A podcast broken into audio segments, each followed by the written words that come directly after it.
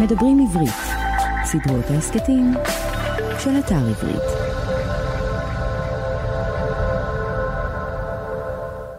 שלום לכולכם, שלום לכולכן, אנחנו הכיפות והשועל, מדף של ספרים ורעיונות לסקרנים ולסקרניות. שמי שמואל רוזנר, תודה שהצטרפתם אלינו, בין אם זו בפעם החמישית או השישית או העשירית, ובין אם בפעם הראשונה. אנחנו שמחים על מצטרפים חדשים ועל מצטרפות חדשות, ומקווים שתמליצו גם לבאים אחריכם להצטרף אלינו. היום אנחנו עושים מעשה נועז, הוא לא באמת נועז, היום אנחנו משנים את הסדר. סדר הוא דבר חשוב כאשר יש לו סיבה, סדר נעשה דוגמטי כאשר אין לו סיבה. לפני שנה, או שנה ורבע בעצם, כאשר התחלנו את ההסכת הזה, החלטנו שיהיה בו סדר. פעם בשבועיים יהיו כאן אורח או אורחת שידברו על שלושה ספרים, ופעם בשבועיים אני אהיה כאן לבד, במתכונת סולו. שמרנו על המתכונת הזאת כמעט באופן דתי, הייתי אומר, שמרנו על המתכונת הזאת למרות שהסדר הוא כנראה בעיקר בראש שלי, אני לא בטוח שלכם אכפת אם זה כך או אחרת. אז לפני שנה החלטנו פעם פעם, עכשיו מותר לשנות. והיום נשנה. למה נשנה? משום שיש סיבה טובה לשנות. הסיבה הטובה לשנות היא פרופסור דן שכטמן. דני שכטמן. שכטמן הוא פרופסור בפקולטה למדע והנדסה של חומרים בטכניון, הוא מהנדס וחוקר, הוא גילה מבנה גבישי חדש, גבישים כמו מחזוריים. דן שכטמן הוא זוכה פרס ישראל לפיזיקה, והוא זוכה פרס נובל לכימיה. אם שמעתם עליו, מן הסתם זו הסיבה לכך ששמעתם עליו. הסיפור על התגלית שלו מוכר למדי, אם כי מובן כנראה על בוריו רק למעטים. גם בשיחה שלנו, שכטמן נראה לעיתים כמי שמהסס להעמיק במדע שמא יאבד את קהל השומעים שלו. הנה, כך מתואר רגע התגלית הגדולה שלו בספר של איסטוון הרגיטאי, Drive and Curiosity, זה ספר שפרק מתוכו הובא לפני יותר מעשור באתר הידען, בתרגומו של דוקטור משה נחמני, שם גם מצאתי את הקטע הזה. אז הנה, שכטמן. הוא הבחין בעשר נקודות בהירות בתבנית ההשתברות שנחקרה, והן נמצאו במרווחים זהים אחת מהשנייה. הוא ספר אותן שוב ושוב, ואמר לעצמו בעברית, אין חיה כזאת. הוא היה בעל מספיק ניסיון בקריסטלוגרפיה כללית בכדי להבין באופן מיידי כי הוא גילה משהו יוצא מן הכלל. בזמן הניסוי המכריע שלו, שכטמן היה לבדו במעבדה, אולם הוא חש צורך עז לחלוק את ההתרגשות שלו עם מישהו אחר. זוהי תחושה שכיחה בקרב אנשים המשיגים תגלית ברגע הגילוי עצמו. שכטמן יצא למסדרון של המחלקה, אולם אף אחד לא היה שם, וכך הוא חזר למיקרוסקופ האלקטרונים שלו, וערך סדרות ניסויים נוספות על מנת לאמת את ממצאיו. הכל היה מוכן וזומן להכרזה על התגלית תוך ימים מספר, אולם עברו שנתיים ימים עד אשר שכטמן פרסם את תגליתו. במשך תקופה ארוכה, שכטמן היה בודד באמונה כי הוא אכן גילה משהו חדש. מיד לאחר הניסוי שלו הוא החל לבדוק במכון התקנים בארצות הברית עם עמיתיו אם מישהו מהם ידע משהו בנוגע לסימטריה סיבובית מסדר עשר, אולם במקום לקבל תשובות ענייניות הוא הפך למטרה ללעג. המנומסים מבין עמיתיו ניסו להסביר לו כי הוא בטוח צפה בתופעה אחרת לחלוטין. אחד מהם אפילו נתן לו ספר בסיסי בתחום קריסטולוגרפיית קרני רנטגן על מנת לסייע לו להבין שמה שהוא חשב כי הוא ראה הוא פשוט ממצא בלתי אפשרי. לשכטמן הוצאו מספר הסברים בנוגע לתבנית שהתקבלה, ביניהם התופעה של גבישים תאומים שבה גדלים שני גבישים שמקורם בצלע משותפת והם בעלי סימטריות בלתי רגילות. הסבר אחר היה כי ייתכן וקיים פגם בגביש שהוא המוליד את התבנית היוצרת את הסימטריה הבלתי אפשרית הזאת. האירוניה במצב זה הייתה כי כאשר שכטמן עצמו היה סטודנט, באחת מבחינותיו הוא היה צריך להוכיח כי סימטריה מסדר חמש אינה אפשרית כלל בכבישים. נדבר עם שכטמן על כימיה, אבל נדבר איתו בעיקר על ספרים שבחר ודברים שלמד מהם. הוא בחר שלושה, הוא בחר באי התעלומות של ז'ול ורן, הוא בחר בסיפור מתוך האיש שידע לעופף של קרל צ'אפק, זה ספר של סיפורים קצרים וביניהם אחד עם מוסר השכל חשוב בעיקר למורים. שכטמן גם הפתיע אותי ובחר בשירת סרטני הנהר של דליה אבנס. זה ספר שיצא לפני שנים מעטות יחסית. אז תכף שיחה עם דני שכטמן, אבל לפני כן נזכיר את המיזם שלנו, הקיפוד והשועל. בואו לבקר באתר kipshu.com, kipshu.com, כדי ללמוד עוד עלינו, על הספרים שאנחנו מוציאים, ולהאזין גם לשיחות הקודמות שלנו. האחרונה הייתה עם האלוף יעקב עמידרור, ולפני כן היו עוד רבים כמו שאול אמסטרדמסקי ועמיה ליבליך ויובל נוח הררי ועמית סגל ומאיה בר הלל ומיכה גודמן ועוד ועוד. שני ספרים חדשים של הכיפות והשועל יצאו ממש בקרוב. חי, של קרל זימר, חי עם סימן קריאה אחרי החי, ושבע אגדות שלנו, ספר של עופר אדרת. ספר שיפגיש אתכם מחדש עם דמויות שאתם בטח מכירים כמו טרומפלדור וחנה סנש ואברהם שטרן. אולי אחרי שנדבר עם שכטמן נאמר עוד כמה מילים על הספרים שלנו. kipshu.com, kipshu.com, kipshu, כמו הכיפות והשועל, שם תמצאו עוד פרטים על המיזם וגם על הספרים. סדרת ההסכתים הכיפות והשועל נעשית בשיתוף עברית. אתר התוכן הספרותי הגדול בישראל המציע לקרוא בכל דרך ספרים דיגיטליים, קוליים ומודפסים. ועכשיו נדבר עם דן שכטמן, על החיים על אי בודד, על ביולוגיה וכימיה, על כבישים, על חרדים וחילונים, על עקשנות של מדענים, על חינוך ועל מורים, על דמיון ועל ספרים, מיד אחרי האות.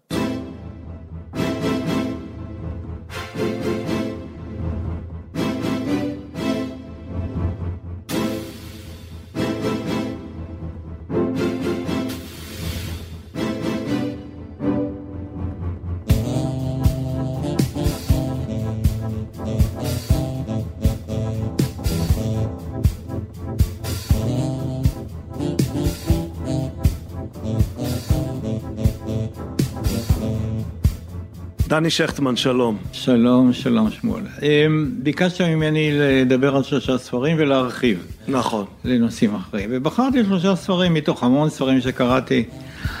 אה, אחד מהם השפיע על כל חיי.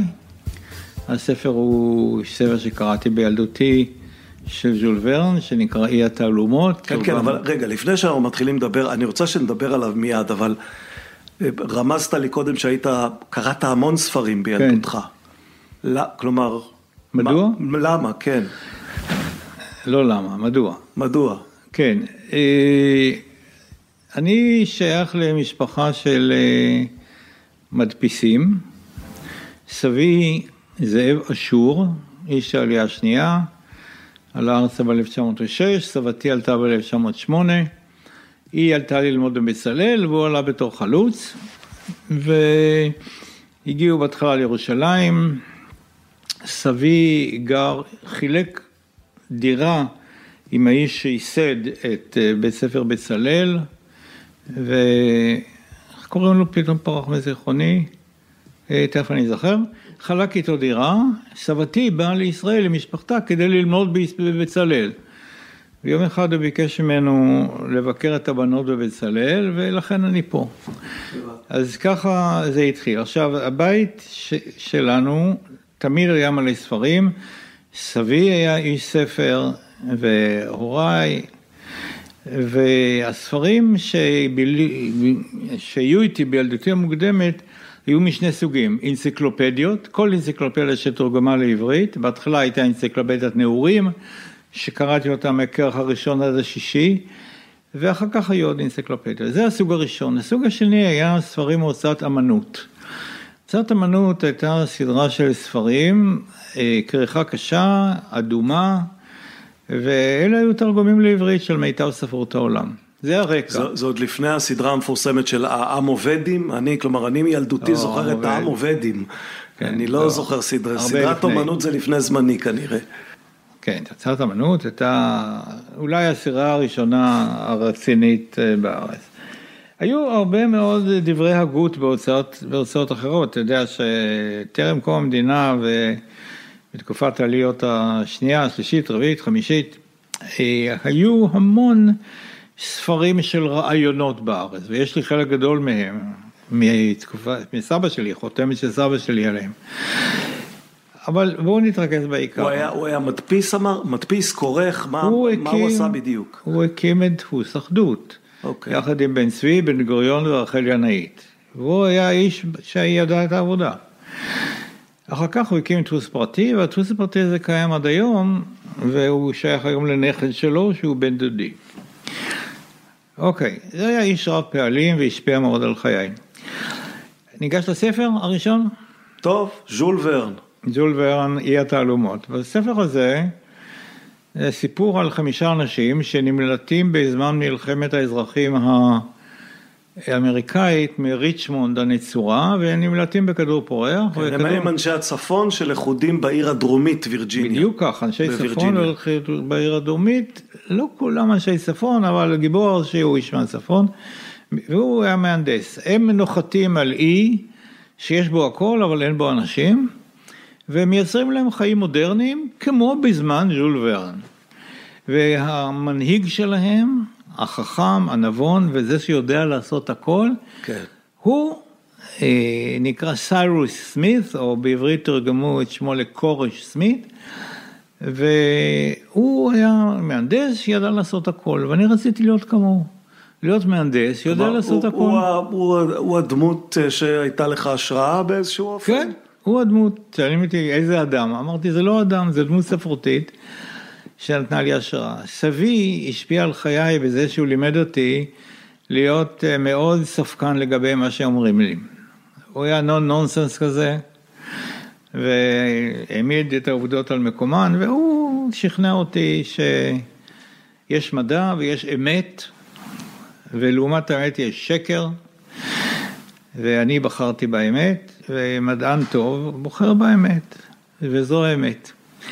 נחזור לספר. אתה, אתה משוכנע עד היום אגב שיש אמת ויש שקר והאמת היא אמת והשקר הוא שקר או שעברת לאיזה מהלך פוסט מודרני שבו אתה אומר אה, גם האמת היא לא תמיד האמת? האמת היא תמיד האמת, שום מהלך פוסט מודרני, ויש פחות ופחות אנשים שהם באמת אנשי אמת. וחבל, אבל זה לא הסיפור. אותו אה, מהנדס, שכאמור יצר חיים מודרניים על העיר, הוא היה דמות שהביאה אותי ללמוד אה, בטכניון אחרי הצבא, הנדסת מכונות. שאיפת חיי היה להיות מהנדס. ו... כלומר, אתה, אתה ממש מותח קו ישר ממהנדס ב- של ז'ול ורן לפרופסור שכטמן הלומד בטכניון? נכון, ישר, ברור לגמרי. רציתי להיות כמוהו, אחד שיודע לעשות הכל. אני סיימתי את אה, התואר הראשון בשנת 1966, ולא היה מאושר ממני בעולם, תעודה, מהנדס מוסמך מהטכניון, איזה כבוד, ולא מצאתי עבודה. 66 היה מיתון כבד בארץ, כן. לא מצאתי עבודה. ואז כבר הייתי נשוי שנתיים, והייתה לי אחריות כלכלית. אמרתי, טוב, אם אין עבודה, אני אעשה מאסטר, אקבל משכורת כמו TA, Teaching Assistant, מדריך, אסיסטנט, מה שנקרא. ובעוד שנתיים, אחרי המאסטר, אני אמצא עבודה. וכעבור שנתיים מצאתי עבודה, נהדרת, בתור מהנדס נפעל. אבל בשנתיים האלה התאהבתי במדע, וחשבתי, אני יכול להיות מדען טוב. ולכן החלטתי להמשיך לדוקטורט. אתה, אתה זוכר, כלומר זה אירוע שמעניין אותי, אתה זוכר את ה...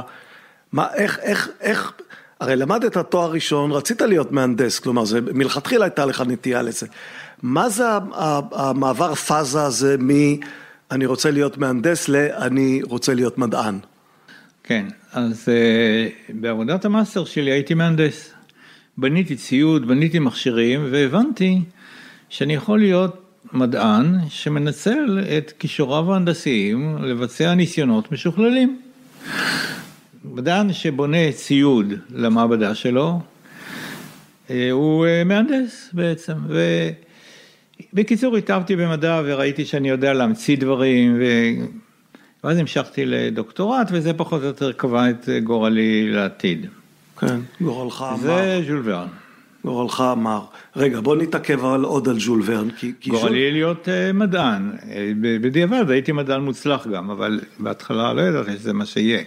כן, היו גם שפקפקו בך במהלך הדרך, שניסו לערער את ביטחונך בזה שאתה מוצלח. כן, גם זה היה, אבל אה, יש לי יופי מספיק חזק בשביל אה, לא להתרגש מדברים כאלה. תאמר, תאמר לי, אצל ז'ול ורן הדבר שתופס אותך זה ההמצאות, כלומר זה שהם אה, על האי הבודד משתמשים, ב, אם אני זוכר נכון, חומצה זרחנית או בכל מיני, נכון? יש שם איזה דבר כזה, חומצה, יש שם איזה, איזה נגיעה ממש ב... בעניינים של, של כימיה ושל, ושל באמת של הנדסה, של פיזיקה, הם, הם בונים כל מיני דברים. נכון, לפרטי פרטים, למשל הם בונים רשת תקשורת. בשביל רש, רשת תקשורת עם חוטים, חוטי פלדה, הם ייצרו, הם ייצרו פלדה. ומשכו אותה לחוטים, ויצרו תקשורת בין מרכז אחד למרכז שני שהיה להם שם. אה, זו דוגמה אחת, אבל המון, המון דברים אחרים. אבל, אבל כמה זה זה וכמה זה, זה גם ספר, זה ספר הרפתקאות, כלומר הם מסתובבים, יש מלחמות, באים פיראטים, הם שתים לאי אחר, הם מוצאים כל מיני גיבורים מספרים קודמים של ז'ול ורן, את, ה, את הצוללת, את נאוטילוס מ-30 אלף מיל מתחת למים. אז מה שמושך את לבך בתור ילד זה החומצה הזרחנית ולא ההרפתקאות? גם וגם. גם וגם. אני הייתי קורא הרבה ספרי הרפתקאות, מאוד משך אותי ספר הרפתקאות. אבל אה, גם זה, נכון, אה, כל היכולת הזאת לייצר עולם מאפס, לא מאפס, אי פורה מאוד והכל יהיה טוב ויפה, מלא מחצבים והכל, אבל... כן, הם לא נחתו במדבר. היה צריך להתחיל, היה צריך להתחיל הכל מאפס, ורציתי להיות כמוהו. ואני לא רחוק מזה, אני עם אה, חש... כלומר, אם אנחנו מעלים אותך מחר לכדור פורח ואתה נוחת על אי בודד בים, אז אתה אומר, אני, אני מאלה שמסתדרים. אני, זה בדיוק נכון. באמת? כן. זה, זה באמת דבר שנותן תחושת ביטחון מאוד חזקה ב... נכון, נכון. תבוא לבקר אחרי שנה, תראה שאני מסודר עם אה, דיור נאות, יש לי אוכל, גם שאני מגדל, גם שאני צד, יש לי כלים, כן. כמה, כמה היית חושב שכישורים מהסוג הזה הם כישורים שבעצם כל אדם צריך? כלומר, אני, אני שמואל, אם אתה שולח אותי מחר על כדור פורח לאי בודד, אני מתחייב לך שאני, שאני לא חוזר, כלומר אין שום סיכוי שאני אשרוד. אז, אז אולי לא לימדו אותי כמו שצריך, כלומר, אה, אולי הוריי לא חינכו אותי היטב ולא נתנו לי את הכלים לשרוד על אי בודד. תראה, אני מאמין שאתה התפתחת לכיוון שרצית להתפתח ואתה מצליח בו והכל בסדר. לא כולם צריכים את כישורים של לחיות על בודד. אבל אה, בחיים, בחיי היום יום, כל תיקון בבית, אני עושה.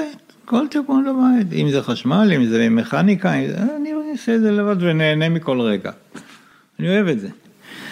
בסדר, זה לא שייך ל... ל... להמשך. לספר של ז'ול ורן. כן. אז זה ז'ול ורן, אם תרצה נחזור אליו. לא, אני, אני, רוצה, אני רוצה לשאול אותך עוד משהו על ז'ול ורן, כלומר על, על, על הקונספט הזה. ז'ול ורן נראה היום, 150 שנים אחרי, כחזאי של העתיד. כלומר, כמי שידע מראש איך העתיד הולך להיראות. אמרת, בספר הזה הם בונים עולם מודרני דומה למה שהיה אז, אבל, אבל יש לו הרי גם בכל מיני ספרים אחרים המצאות שלא היו אז. לא, גם פה יש לו המצאות שלא היו אז, צוללות. עם קפטן נמו, למשל. נכון, כן, כן. טוב, את הצוללת הוא המציא לספר אחר, והוא פוגש אותה. אבל הוא גם המציא דברים שלא היו. למשל, בספר התעלומות יש שם רובה חשמלי, לנמו יש רובה חשמלי. הוא הורג אנשים על ידי חשמל. כן. מרחוק, לא נוגע בהם, מרחוק. שולח איזה משהו חשמלי, איזה פולס חשמלי והורג אנשים. אז זה לא, לא קיים. וגם אי אפשר לעשות דבר כזה, בוודאי לא פשוט לעשות דבר כזה.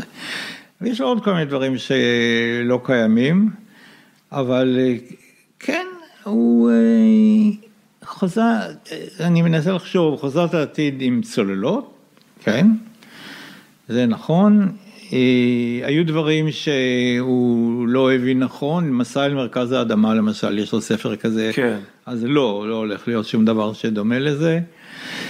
אה, ואנשים טסים אצלו בכדורים פורחים ולא במטוסים. כן, נכון.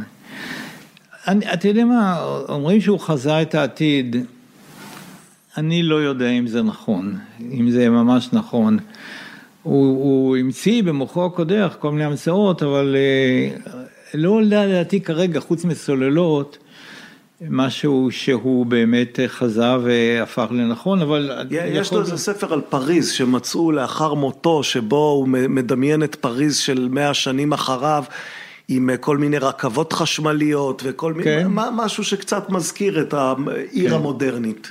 כן, כן, יכול מאוד להיות, אני פשוט לא יודע, לא, לא בקיא בעניין הזה. לא התעמקתי הרבה ב... בנבואה העתידית, עתידנית של ז'ול ורן. כן. אוקיי, אבל זה הספר שהשפיע על חיי חד משמעית. הדמות המסוימת הזאת השפיעה על חיי, ואחת המסקנות, כאמור, ב-66 לא מצאתי עבודה. זה טוב או רע שאתה לא מוצא עבודה? תלוי מה אתה עושה עם זה, כן, אז אה, זה לא בהכרח רע.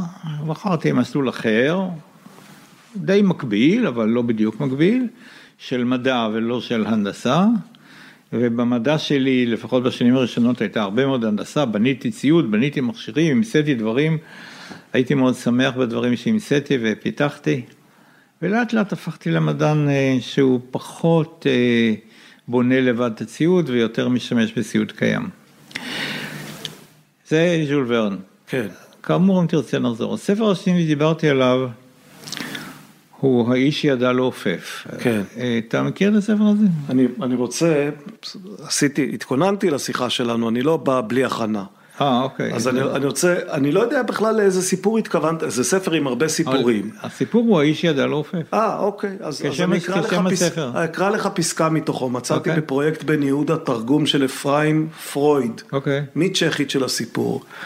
והוא כותב ככה, בימים שלאחר מכן הוא התאמן בטיסה, כמובן רק בלילה ובמקומות מבודדים, במיוחד בסביבת בית הקברות היהודי ברובע אולשני.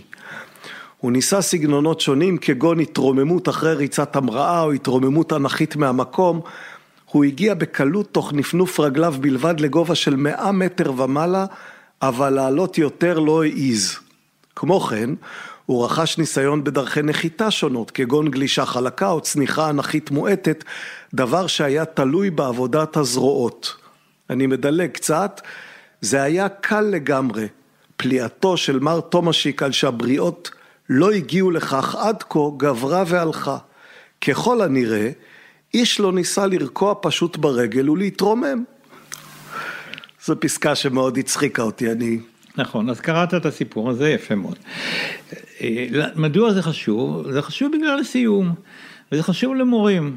ואל אל תדכאו... למורים, מורים בבתי ספר. למורים, למורים, אל תדכאו את הילדים שלכם עם הכישרונות המיוחדים שלהם. אני אתן לך דוגמה מהחיים שלי, ואני מרחיב, כן? כן. אה, כשהייתי בכיתה ה' בערך, המורה לטבע, היום זה נקרא מורה למדעים, כן, אז זה נקרא מורה לטבע. יום אחד מודיע בכיתה, יש לנו מיקרוסקופ בבית הספר. קפצתי, אתה יכול להביא אותו לכיתה? כן, כן. אחרי שבוע מורה, מיקרוסקופ לכיתה? כן, כן. בסוף הוא הביא אותו לכיתה ואמר, דן, אתה היית הכי מתעניין עם הילדים, אז בוא אתה ראשון, בוא תסתכל. וזה היה מיקרוסקופ שחור קטן כזה. אה, הוא שם שם עלה חתוך ואפשר לראות את הכלורופיל נוסע אני, אני העמדתי על ה... מול השולחן של המורה והסתכלתי על זה. לא יכולתי לעזוב את המיקרוסקופ, זה היה כל כך מעניין. ואז הוא אומר לי, טוב. כלומר, מה שעניין אותך זה המכשיר או זה הקלורופיל בעלה? לא המכשיר. לא המכשיר. לא, הטכנולוגיה, לראות דברים ברזולוציה הרבה יותר טובה מרזולוציה של העין. אבל לא, היית, לא היה לך דחף מיידי לפרק את המיקרוסקופ כדי לא, להבין לא, איך לא. הוא בנוי. לא, לא, בהחלט לא, וזה גם משתקף אחר כך בחיים שלי אחר כך. אגב, החיבה שלי לעולם הדברים הקטנים התחילה קודם, אני אספר לך על זה. כן. ואז הוא אומר, טוב, דן, שב, תן גם לילדים, רגע, רגע, טוב. בסוף השיעור אני שואל אותו, המורה, אתה יכול להביא את המיקרוסקופ לכיתה כל שבוע? הוא אומר, לא, לא, רק, יש לנו דברים אחרים לעשות. איפה המיקרוסקופ? במחסן. אני יכול ללכת למחסן ולעבוד על המיקרוסקופ לבד? לא, ילדים לא נכנסים למחסן. מורה גרוע. אתה רואה ילד שהוא ממש מתעניין במשהו. אתה כן, זוכר את שמו של המורה הזה אגב? לא שצריך להגיד אותו, אבל מעניין אותי אם, אם זה נחרט בזיכרונך, גם שמו של המורה, כלומר, אתה יודע שזה היה המורה הזה בכיתה ה'. כן, ועדיין נחרט שמו, אבל אני לא אזכיר את השם. אז מורה גרוע, אתה רואה שילד מתעניין במשהו, תעזור לו, תשתף אותו, תיקח אותו למחסן, מה, יש, חסרות לך, הרבע שעה הזאת חסרה לך בחיים. נושא המיקרוסקופיה התחיל קודם, והתחיל קודם במתנה שסבא שלי נתן לי כשהייתי בערך בגיל שבע, זכוכית מגדלת. ואני הייתי מסתובב בשדות של רמת גן, היו שדות ברמת גן, ומסתכל על כל דבר קטן, על אה, אבקנים של פרחים ועל חרקים ועל כל דבר קטן הייתי מסתכל עם זכוכית מגדלת. הייתה באיכות טובה מאוד דרך אגב. והתאהבתי בעולם הדברים הקטנים. לימים הגיעה פרשת המיקרוסקופ הזה שהזכרתי לך, כן. ועליה נדלג, ובדיעבד, אה, כאשר הגעתי לטכניון לעשות, בסוף תקופת המאסטר שלי, המיקרוס... הטכניון קנה מיקרוסקופ אלקטרונים חודר, מיקרוסקופ אלקטרונים חודר. כן. לא אתה רוצה מיקרוסקופ- להסביר איך זה עובד? כן. כן. לא מיקרוסקופ אלקטרוני, זה מיקרוסקופ אלקטרונים. כלומר, אנחנו, כשאנחנו קוראים לזה מיקרוסקופ אלקטרוני, אנחנו טועים. זה לא, נכון, זה לא שיש מיקרוסקופ אלקטרונים ומיקרוסקופ זה מיקרוסקופ אלקטרוני. שעוסק ב... שהתאורה נעשית על ידי אלקטרונים ולא על ידי פוטונים של אור. כן. זה אלקטרוני. כן, כלומר. זה אוקיי. מיקרוסקופ של אלקטרונים. כן, הוא גם אלקטרוני, אבל זה לא הסיפור. כן. עכשיו, אני, אה, כשהמיקרוסקופ הגיע לטכניון, אה, בא להתקין אותו יפני, אה, המיקרוסקופ היפני, והוא עבד עליו כל יום, כל היום, ואני הייתי על ידו. מיום, ש... ברגע שהוא בא, עד רגע שהוא הולך הביתה בערב, אני הייתי על ידו. לראות איך הוא מרכיב את המיקרוסקופ, מתקין אותו, והבנתי טוב מאוד איך המיקרוסקופ בנוי. לימים הפכתי מומחה גם למה אפשר לעשות עם מיקרוסקופ אלקטרוני, וזה מכשיר רב עוצמה, באמת רב עוצמה, אבל צריך לדעת מה אתה עושה, אתה צריך להבין טוב מאוד מה אתה מה, עושה. מה, מה היתרון של אה, להביט בדברים באמצעות אלקטרונים ולא באמצעות פוטונים של אור? מה זה נותן? אוקיי, אז נתחיל מהעיניים שלנו. כוח כן. הפרדה של העין שלנו הוא בערך עשירית מילימטר. זאת אומרת, דברים שהם רחוקים עשירית מילימטר ומעלה, אתה יכול לראות שהם בודדים. פחות זה נראה לך אחד, אתה, אחד. אתה, אתה לא יכול להפריד, זה נקרא כוח הפרדה, עשירית מילימטר, העיניים.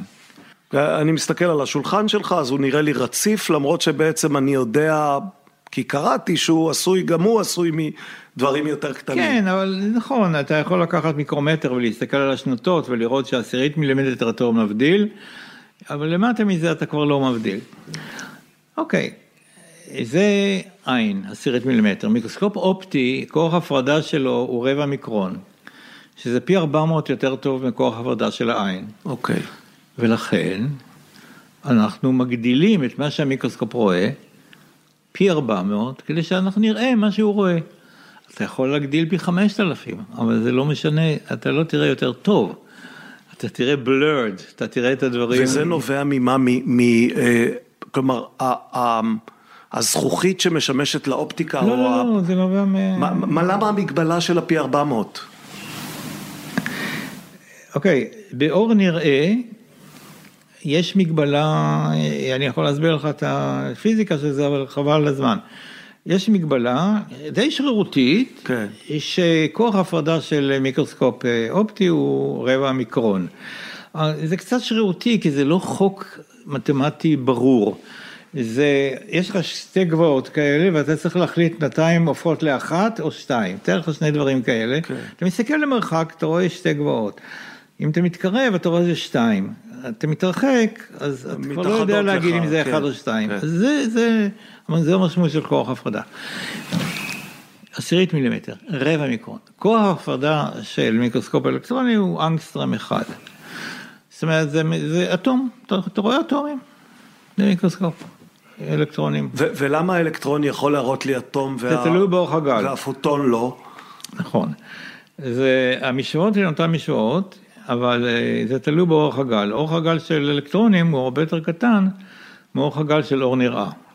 וכן, וזה תלוי ב... באמת, באיזה מהירות אתה מאיץ את האלקטרונים. טוב, לא חשוב, אבל העובדות הן פשוטות. עשירית מילימטר, רבע מיקרון באופטי, אנגסטרם אחד, שזה עשירית ננומטר, ו... מאוד מאוד קטן, אתה אומר, אני יכול לראות אטום בודד. כן, אתה רואה אותם בודדים. מה זה יכול? רואה אותם, הנה. אוקיי, אז זה מיקרוסקופ, אבל מיקרוסקופ האלקטרונים הוא לא, כוחו לא רק בכוח ההפרדה שלו. ולמעשה, אני כמעט לא הייתי משתמש בכוח ההפרדה הגבוה, לא מעניין אותי, חוץ ממחקר אחד גדול, עם הרבה פרסומים, שכן הסתכלתי על אטומים, לא, לא הסתכלתי על אטומים, לא כל כך מעניין. יש לו אפשרויות אחרות, והאפשרויות נובעות מקונטרסט שנקרא קונטרסט דיפרקציה. בואו לא ניכנס לזה, אנחנו נתחיל לשקוע יותר מדי במדע, ואני לא חושב שזה ראוי. זה הסיפור הזה. אני זה, לא זה... נבהל ממדע, כלומר, אתה, אתה כל הזמן מפחד להטריד אותי במדע, זה בסדר לי שתסביר מדע. לא, כן.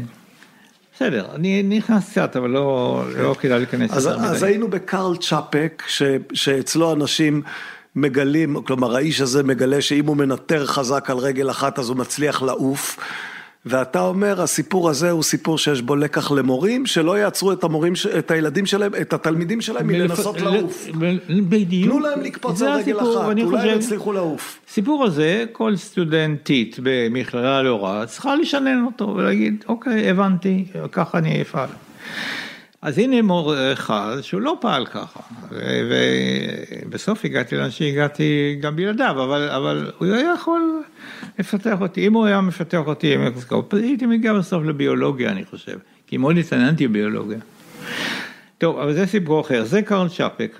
כן, אגב, אגב, אני, אני אעצור על מה שאמרת עכשיו עוד פעם, תסלח לי שאני, כלומר, אתה אומר דברים, אני רוצה לשאול. בסופו של דבר, למה הגעת לענף שהגעת? כלומר, אני מסתכל על המדעים ואני אומר, פיזיק, יש איזה מין אה, אה, דימוי, דימוי ציבורי כזה, שיש פיזיקה בצד הבסיסי ביותר, ביולוגיה בצד המתקדם ביותר, ואתה עשית את מה שבאמצע. לא? זה, זה, זה נכון בכלל להגיד, לקרוא לזה הדבר שבאמצע? קודם כל, אה, בואו נאמר כך, כל המדעים זה אותו דבר. החלוקה היא חלוקה שרירותית שהתחילה לפני מאות שנים בפיזיקה, כימיה וביולוגיה למשל, נדבר על שלושת אלה. אותם חוקי, אותם חוקי תרמודינמיקה פעילים בשביל כולם, זה אותו דבר, הכל אותו דבר, אבל יש חלוקה מסורתית וקשה לפרק אותה.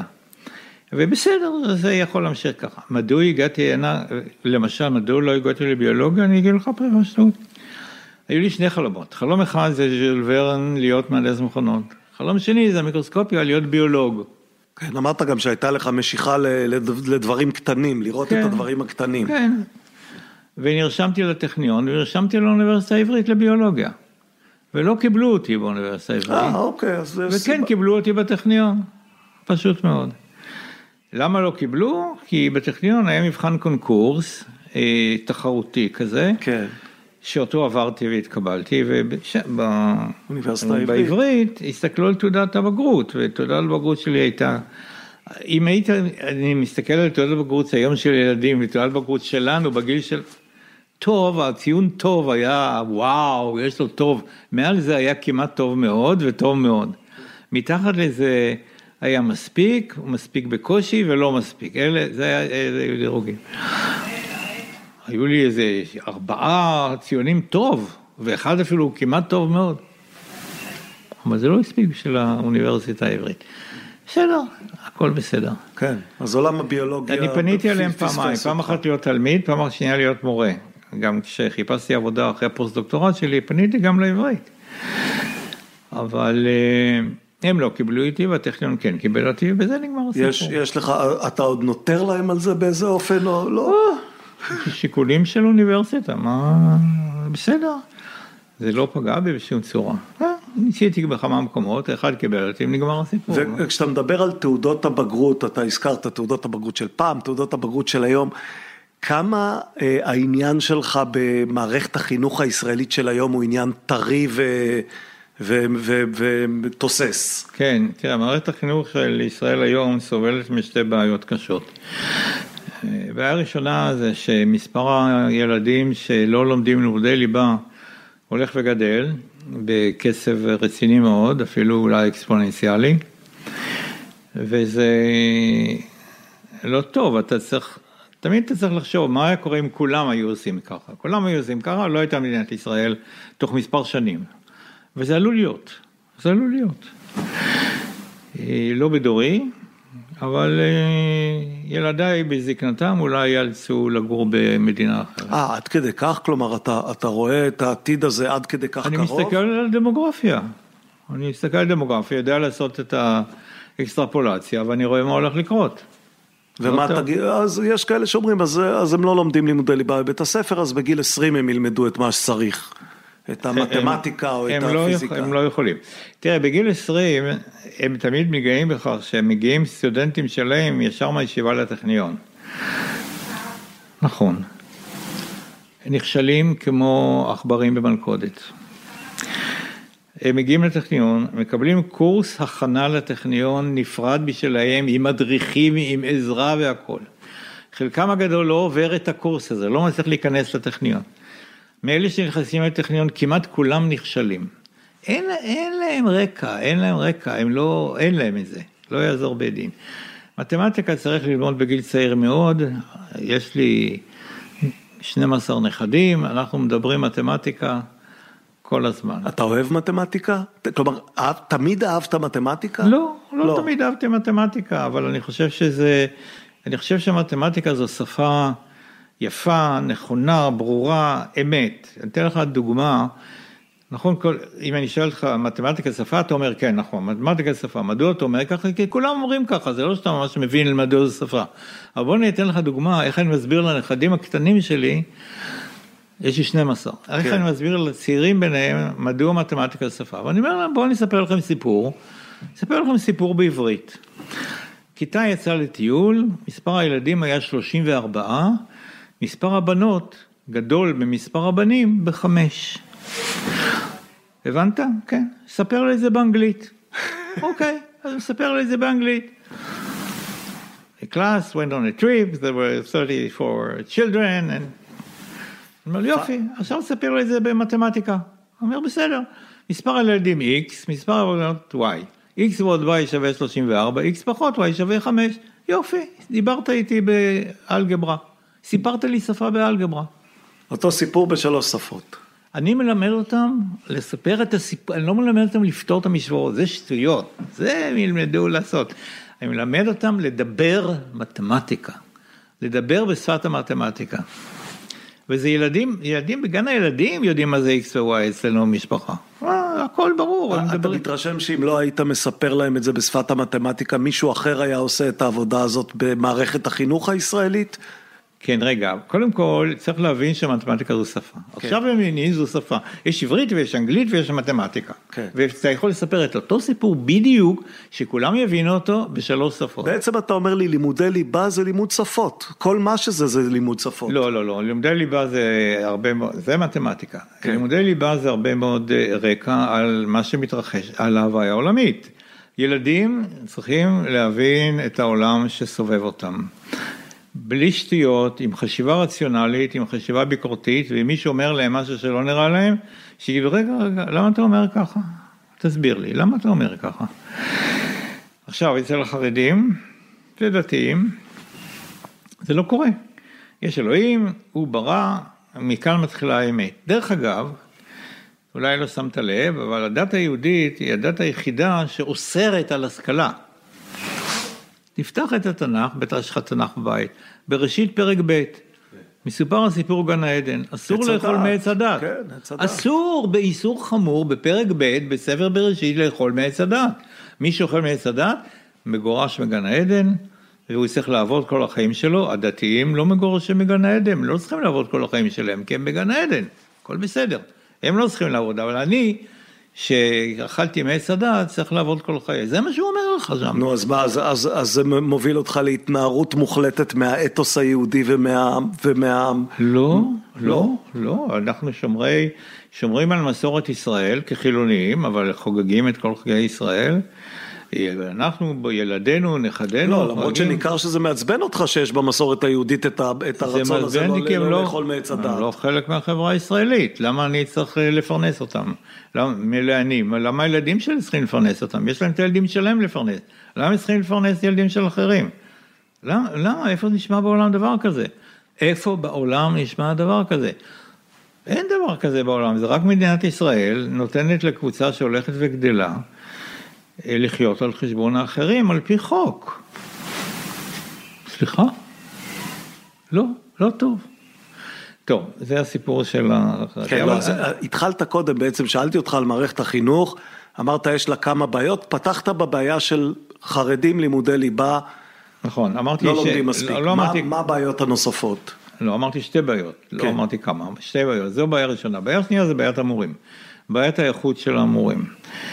יש מורות, בוא נדבר על מורות, מורים אה, הם נדירים, לפחות בתי ספר יסודיים, הם מאוד נדירים. שגם זאת בעיה? שזה בעיקר מורות ולא מורים? אה, לא, אני לא חושב שזו בעיה, אין לי בעיה עם ג'נדר, אבל יש לי בעיה עם האיכות. תראה, אה, בגלל המשכורת הנמוכה, ובגלל המעמד הנמוך שהם הביאו עליהם, מעמד גבוה אתה יוצר לעצמך, זה לא, לא נותנים לך את זה בחינם. אה, אז אה, היום אה, יש מורות נהדרות, יש גם בחורות נהדרות שהולכות להיות מורות באמת, עם אחריות, עם הרגשת שליחות ודבקות במשימה באמת, אבל על ידן יש מורות לא טובות. מורות שלא היו צריכות להתקבל מלכתחילה למכללה להוראה, כל הזמן קופץ לי המילה סמינר לראש. סמינר, כן. ואני צריך לתרגם אותה למכללה להוראה. כן. לא צריכות להגיע לשם, אז מה, איך למנוע את זה? פשוט מאוד, על ידי מיון מוקדם. מי שהמומחה בארץ למיון מוקדם, זה עוד אשתי. שפרופסור ציפי שכטמן היא המומחית למיון, מי מתאים להוראה, למי לא. על ידי ראיון קבוצתי, תגיד לך זאת מתאימה וזאת לא מתאימה, וזאת אל תקבלו. עכשיו, המכללות להוראה אה, מקבלות מהממשלה אה, הקצבה פר גולגולת, אתה קיבלת 40, תקבל הקצבה של 40, אז הן רוצות למלא את המכסה שלהם, ואם אין מספיק מועמדות... יש, יש קושי, כלומר צריך גם למלא את מערכת החינוך במורות ומורים. יש עודף מורים ומורות היום, יש מורות שאין להם עבודה. תתפלא לשמוע. יחד עם זה יש אחוזי פרישה גבוהים מאוד, מהוראה בשנים הראשונות, בחמש שנים הראשונות יש אחוזי פרישה גבוהים, מדוע? זה אנשים שמלכתחילה לא מתאים להם להיות מורים, לא מתאים להן להיות מורות, לא היו צריכות להיכנס למערכת הזאת בכלל. טוב, אז צריך מיון מוקדם, ואני המלצתי אגב למערכת החינוך, לבוסים, לשר החינוך לדורותיהם, אמרתם, אל תשלמו למכללות פר גולגולת, אלא פר גולגולת כפול האיכות שלה. זאת אומרת, מי שהאיכות שלה ממוצעת תקבל איקס, אלף שקל לשעה, לא יודע כמה אתם משלמים. מי שהאיכות שלו יותר גבוהה, על פי מבחני מיון מוקדמים, ציונים, כן. המכללה תקבל יותר כסף בשבילה. מי שיותר נמוכה, המכללה תקבל חצי. אה, כלומר הדחף של המכללה לקבל אה, מועמדות יותר טובות, יהיה דחף כלכלי. נכון, יקב... בדיוק ככה, מאני, מאני, מאני. זה מה שקובע. אף אחד לא קיבל לדעתי. טוב, לי... כי מה זאת אומרת, ארגוני המורים היו בולמים את זה בעשר שניות. זה לא שייך לארגון המורים. אז מי, אז, אז למה לא קיבלו את עמדתך? לא, לא הרבה, הרבה המלצות שלי לא קיבלו, זה גם עוד, עוד אחד. זה נראה להם מסובך מדי ולא הבינו בכלל על מה אני מדבר. אתה מבין על מה אני מדבר. פר גולגולת כפול האיכות. מיש, עכשיו, תרשום, אל תרשום, תקשיב, יש, יש מדען בסטנפורד בשם הנושק, יהודי, הנושק, כמו שאתה שומע כך כותבים. הוא חוקר מורים, כל חייו חוקר מורים ומתייחס לאיכות שלהם, וכותב מאמרים על זה. אני קראתי כמה מהם, הוא אומר כמה דברים פשוטים, מאוד מאוד הגיוניים, הוא אומר, תשמעו, אבל הוא מביא גם מספרים, הוא חקר את זה, זה לא, זה לא בתיאוריה. אומר, תשמעו, בואו קודם כל נגדיר מה זה מורה ממוצע. אז הוא הגדיר מה זה מורה ממוצע. הוא אומר, טוב, מורה שהוא סטיית תקן אחת מעל הממוצע הזה, מורה יותר טוב בסטיית תקן אחת, מייצר תלמידים יותר טובים, אלה ילכו לתארים גבוהים יקבלו מקצועות יותר טובים, יכניסו מס הכנסה הרבה יותר גבוה מאחרים, מאלה שהם המורה הממוצע, והמדינה מרוויחה הרבה יותר ממה שהיא משלמת לשכר מורה. ואת כל זה הוא הצליח להוכיח, כלומר הוא הוכיח שכאשר יש כן, מורים כן, יש בסטיית מספרים. תקן אחד, אה, זה מוביל את כל השרשרת עד להכנסות יותר גבוהות למדינה? כן, הוא חקר את זה, הראה, הראה. מורה שהוא סטיית תקן אחת מתחת לממוצע, תלמידים שלו פחות טובים, המקצועות שלהם יותר דלים, חלקם נגררים לפעילויות פליליות וכן הלאה וכן הלאה, והוא מביא נזק למדינה, כי אלה החבר'ה שגורמים לפעילות אה, פלילית, אלה החבר'ה שיושבים בבתי סוהר, אלה החבר'ה שצריך לפרנס אותם ואת משפחותיהם בעזרת לשכת הסעד, אז מורה כזה מביא נזק למדינה עצום הרבה יותר אה, מהמורה הממוצע. והוא מורה מספרים, עכשיו זה כל כך הגיוני, זה כל כך מובן מאליו, אבל הוא מביא גם מספרים, הנושק, כדאי לקרוא כמה מאמרים שלו. אני מעולם לא פגשתי בו, אבל אני מאוד מעריך אותו. אז מה, מה החסם, כלומר, למה כל הדברים הטובים האלה לא קורים אצלנו? קודם בעצם אמרת, אמרת המורים, בעצם אמרת המורים במידה מסוימת אשמים בזה שמעמדם הוא לא גבוה, כי מעמד לא נותנים, מעמד לוקחים. זה נכון, okay. אוקיי. אני, אני עומד על- מאחורי דבריי. תראה, אני, אני לא רוצה להכפיש את המורים. מורים עושים עבודה נהדרת, אבל חלקם לא טובים. בוא, בוא ניתן לך דוגמה מעשית, מוחשית. בוא נניח שצה"ל, צבא ההגנה לישראל, קונה פגזי מרגמה ממפעל שמייצר אותם. ויש לו בעיה. כל פגז עשירי מתפוצץ בקנה של המרגמה וגורם נזק נוראי לחיילים סביבו, הם נפצעים והמרגמה מתקלקלת ו... ובלאגן נוראי ורצים לבתי חולים. אז הצבא ימשיך לעבוד עם אותו מפעל? הצבא יגיד לאותו מפעל, חביבי, אנחנו לא יכולים לעבוד איתך בצורה כזאת, אתה תוריד את אחוז הכשלים מ-10 אחוז, אתה תוריד את זה ל-10, לאחת חלקי עשרת אלפים, אנחנו מבינים שאחד מעשרת אלפים יתפוצץ בקנה, אבל יותר מזה אנחנו לא מקבלים, ואם אתה לא מסוגל לעמוד בזה, תהיה בריא, נקנה אצל מישהו אחר. אבל מדינת ישראל עם המורים, שמגורמים בדיוק לאותו נזק, אבל לא רק נזק של פצועים, אלא נזק לכל החיים גורמים לאנשים, לבחורים ובחורות צעירים. מדינת ישראל לא עושה את זה, היא קונה, היא קונה כל מה שהמכללות מוכרות, כל דבר היא קונה. סליחה, אם ה... כשאתה הולך לחנות ורואה עגבניות רקובות, אתה תיקח גם רקובות וגם לא רקובות? לא, אתה תיקח רק את הטובות, מה פתאום, מי לוקח עגבניות רקובות? ומדינת ישראל עושה את זה. יש, יש בעיה תגיד, קשה בעיניי. אולי אני, אני, אני, אני מנסה, אני אהיה סנגורם של המורים, כלומר אולי יצרנו בישראל חברה שכל כך קשה ללמד בה, בכיתות צפופות, בהיעדר משמעת, בהורים מתערבים, כל מיני דברים כאלה שיצרנו שבעצם המורה הוא כמעט חסר אונים מולם. אתה צודק. יש אה, הורים שהם מתערבים לפעמים באלימות בהליך של בית הספר. אה, הילדים אה, אלימים, הילדים פרועים, ואז אומרים לאנשים, זה מגיע מהבית, והם צודקים. אבל מה זה הבית? זה, זה תלמידים, תלמידים לפני- שלפני דור, זה הבית. זאת אומרת, זה, זה לא שהממשלה הנוכחית לא עושה את זה נכון. לדורותיהן, כל הממשלות לא השתלטו על אבל, העניין אבל אתה הזה. זוכר את אה, סיפורי ילדותך מבית הספר שלך, בבית הספר שלך כשאתה למדת ברמת גן זה היה אותו דבר? לא, חס וחלילה. בוא אני אספר לך משהו, אתה לא תאמין. בכיתה א', ואולי גם בכיתה ב', היינו יושבים בכיתה עם ידיים שלובות מאחורי הגב. היינו יושבים זקופים, ככה, בזמן השיעור. לא, לא, לא, לא הוצאת את הידיים מאחורי הגב.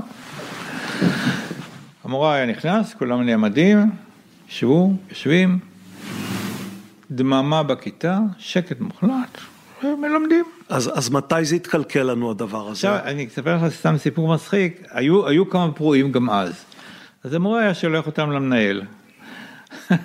אני הייתי ילד טוב ירושלים, אבל יום אחד, בכיתה ה' אני חושב, גם כן אותה כיתה של המורה ההוא, כן, של המיקרוסקופ. עשיתי משהו לא טוב, בטח. דיברתי עם מישהו בזמן השיעור, כן. והמורה שלח אותי למנהל. ופעם ראשונה ויחידה שהתיישבתי ליד חדר המנהל וכל הפרחחים של בית הספר ישבו שם יחד איתי, ואז למדתי לשרוק עם האצבעות. הם לימדו אותי. אתה אומר אין, אין רע בלי טוב, כלומר כמו שלא מצאת עבודה בסוף, ה, בסוף התואר הראשון וזה יצא לטובה, אז גם הישיבה ב, ליד חדר כן, המנהל פתאום, יצאה פתאום לטובה. פגשתי אנשים, ילדים, שבחיים אני לא, לא, לא נקשר איתם, לא חברים שלי אבל שום דבר, אבל שם כל הפושעים הקטנים ישבו ליד חדר מנהל, חיכו שלי להיכנס אליו, אז לימדו אותי לשרוק עם האצבעות. סתם קוריוז מצחיק. אבל אז, אז אתה יודע ל, ל, להגיד מתי קרה הדבר הזה שבו במקום ילדים עם ידיים שלובות מאחורי הגב שמקשיבים למורה, עברנו לילדים שבעצם מאתגרים את המורה באופן שקשה לו ללמד? אני לא יודע, אני לא יודע מספיק, אני לא יודע לענות על התשובה הזאת, על השאלה הזו, סליחה. אין, אין לי תשובה, אני לא יודע אם זה היה תהליך הדרגתי, או שהיה משהו שהניע אותו בקפיצת מדרגה, אני לא יודע, אבל אתה צודק לגבי ההוויה של אה, היום. אתן לך סתם דוגמה, אה, לי, לנו יש ארבעה ילדים, שלוש בנות ובן, הקטן הוא הבן. כולם משכילים עם דרגות גבוהות, הבן פרופסור בטכניון. כשהוא היה קטן, כיתה א', אני יודע ב', אז יום אחד המורה קוראת לאימא שלו, זאת רעייתי שתחיה, כן. ואומרת לה, קרה דבר נורא עם יואב, זה שמו. מה קרה?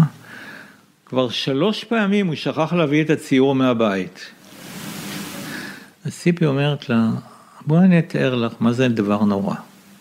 אני גם כן מורה, ואני מורה בחינוך מיוחד. ואני עובדת עם ילדים אלימים, זה, זה בחיפה, בעיר התחתית של חיפה. ויום אחד בא תלמיד עם סכין גדולה ומאיים לרצוח את המורה. הוא עומד על כיסא ומחזיק את המורה ומאיים לרצוח את המורה עם סכין, והמורה צועק. ואז אני נכנסת, ציפי אומרת, משתלט תליינים, מרגיעה אותו, הוא נותן לי את הסכין, יורד מהכיסא, נרגע, הכל בסדר. זה נורא. זה שיואב שכח שלוש פעמים, לא, זה לא נורא. אגב, יכול להיות שזו חלק מהסיבה לשינוי, כלומר, מכיוון שהיום כולם כבר לומדים, אז באופן טבעי אין, אין סינון גם, של, לא רק של מורים, גם של תלמידים אין סינון. כן, זה, תראה, אין לי, אין לי מספרים, אז אני לא יכול לדבר בנחרצות, אבל כן, כן זו כנראה המגמה. תראה, יש, יש תופעה בארץ שלימודי מקצוע טכני, לא הנדסי, טכני, להיות, להיות טכנאי או להיות הנדסאי, זה נחשב לנחות. פעם היה, הרי בבתי הספר המקצועיים, הטכנולוגיים. הם כמעט כולם חוסלו. עכשיו זה רע מאוד. יש בגרמניה וגם במידה מסוימת באוסטריה שיטת לימוד של apprenticeship, איך קוראים לזה? אתה, בא ללמוד כן, אצל, מייסטר, כן, אתה, כן. לומד, אתה קודם כל לומד את המקצוע בבית ספר מקצועי, ואז אתה עובד עם מייסטר. אתה שוליה של מישהו. שוליה. כן. כמו, כמו שהרופאים עובדים, ככה הרופאים לומדים את המקצוע. הוא יושב, הוא עומד על יד המנתח ומסתכל, עד שנותנים לו את הסכין ביד, לוקח הרבה זמן. אגב, לפני 100 ו-200 שנה ככה היה מקובל. בכ... הנשיא לינקולן שהלך להיות עורך דין, אז הלך להיות עוזר של עורך דין, וככה למד להיות עורך דין. נכון. אז ככה זה, ככה התנהל העולם. עכשיו בגרמניה זה ממשיך גם היום, השיטה הזאת, ויש נטייה בעולם, במדינות אחרות לחקות אותם. אני רציתי להביא את זה לישראל, את הדבר הזה, זה לא עובד. למה זה לא עובד? כי האמא אומרת, מה? הבן שלך יהיה מהנדס ופרופסור, והבן שלי יהיה טכנאי? מה? אז הברירה של הבן שלה זה לא בין להיות טכנאי או פרופסור, זה הבדל בין להיות טכנאי או פושע סוחר סמים. זאת, זה מה שיכול לצאת ממנו. ואם הוא יכול להיות טכנאי, ירוויח טוב מאוד, יהיה גאה במלאכתו ויהיה נהדר. היום נסגרים מפעלים כי אין כוח אדם. הכוח אדם... החרדה היא ממה? מלסנן מוקדם מדי אנשים, כלומר לנתב אותם מוקדם מדי למסלולים קבועים מראש שקובעים כביכול את גורלם? כך זה בגרמניה, אני לא בעד זה, אני לא בעד זה, אבל בגרמניה ככה זה עובד. ואנשים לא רואים בזה פחיתות כבוד, חושבים, הנה, אני הולך ללמוד מקצוע, אני ארוויח טוב, אני אגדל משפחה, יהיה נחמד מאוד, ואני אהיה גאה במלאכתי. תשמע, כשאתה בונה מכוניות, כמה מהנדסים יש שם וכמה טכנאים שמפעיל. עכשיו, מה זה טכנאי? זה לא אחד שעומד עם פצירה ומיישר, זה מישהו שלוחץ על הכפתורים של המכונות האוטומטיות ומפעיל אותם בדייקנות רבה מאוד וגאה במלאכתו. סטב ורטהיימר, שהוא גדול היזמים הישראלים מאז ומעולם, אה, אמר לי בזמנו שהדור הרוסי של אלה שהגיעו עם העלייה הרוסית הראשונה והשנייה, אה, הולך ופוחת וכבר אין, והוא לא, הוא לא יכול לספק הזמנות, כי אין מי ש... המכונות עומדות, אין מי שיפעיל את המכונות האלה. ואז, והוא ניסה לתקן את זה על ידי שהוא פתח בספר להנדסאים, בספר לטכנאים, ונלחם בכל העולם שיכירו בזה. ניסה, הצליח הצלחה חלקית. בסדר. היום, תראה, סגרו את בוסמת, והיום בוסמת נפתח מחדש בזכות כמה חברים טובים שלי מחיפה, וזה, וזה מתחיל להתעורר, אבל זה לא מספיק, צריך להפוך לתנועה. זה צריך להפוך לתנועה, או שאתה הולך לתיכון, או שאתה הולך ללמוד משהו אחר, אבל אתה צריך ללכת ללמוד. אבל אתה, אתה לא יכול להבין את ההורים לילדה בת 14 שהם אומרים, אנחנו רוצים שגם היא תהיה שכטמן ותקבל פרס נובל. אנחנו לא רוצים לנתב אותה בגיל 14 למסלול שמוביל אותה אחר כך להיות אה, אה, אה, אישה שבונה מכוניות, אפילו אם זה מקצוע נהדר. בסדר. זה, זה, כי יש דימוי לא טוב לטכנאים בארץ, יש, יש דימוי לא טוב לזה. האם היא יכולה להיות אה, פרופסור בטכניון או בעברית או בווייסמן? שאלה טובה, הרבה יכולות, הרבה לא יכולות. כן, אתה רואה לזה תקנה או שאנחנו מדינה שמרנית מדי, כלומר, האם אנחנו מדינה שמרנית מדי ומפחדים מלעשות שינויים במערכת החינוך שהם, שהם קריטיים? תראה, מערכת החינוך כן משתנה, עושים שם הרבה דברים טובים. אני מכיר אנשים נהדרים שעובדים במערכת החינוך, מקבלי החלטות שם. אבל חלק מהדברים לא, לא נעשים נכון. אז אני מדבר איתם, מנסה לשנות, ולפעמים אני מציע, לפעמים לא. וקודם בעצם לא רמזת, אמרת במפורש שחלק מזה הוא עניין של דמוגרפיה, כלומר אנחנו בכלל, אנחנו מתמודדים עם קבוצות אוכלוסייה שלא מעוניינות בדבר הזה. נכון, אבל אתה צודק, זו, זו הבעיה המרכזית, בעיה מספר אחת שמניתי ברשימה של שתי בעיות. כן. אבל אה, גם, גם באלה שכן לומדים, אז הם צריכים לזכות במורים טובים. ורובם טובים וחלקם לא טובים, אז אסור שהמורים הלא טובים יגיעו לשטח. וכשאתה מסתכל על סטודנטים שבאים נניח לטכניון או לאוניברסיטאות אחרות, אז נדמה לך שאנחנו כבר מרגישים את, ה, את ההשפעה של זה? כלומר, אני אשאל את זה בבוטות, הסטודנטים היום פחות טובים ממה שהיו פעם? אלה שמה, שלא למדו לימודי ליבה? לא, לא אלה שבאים ללמוד בטכניון, מה שזה לא יהיה, מה שאתה למדת. אתה מקבל, מקבלים 아, היום סטודנטים פחות טובים? אם הסטודנטים של היום יותר, אני לא יודע, אין לי, אין לי שום כלי מידה להערכה, ההרגשה שלי שזה לא נכון.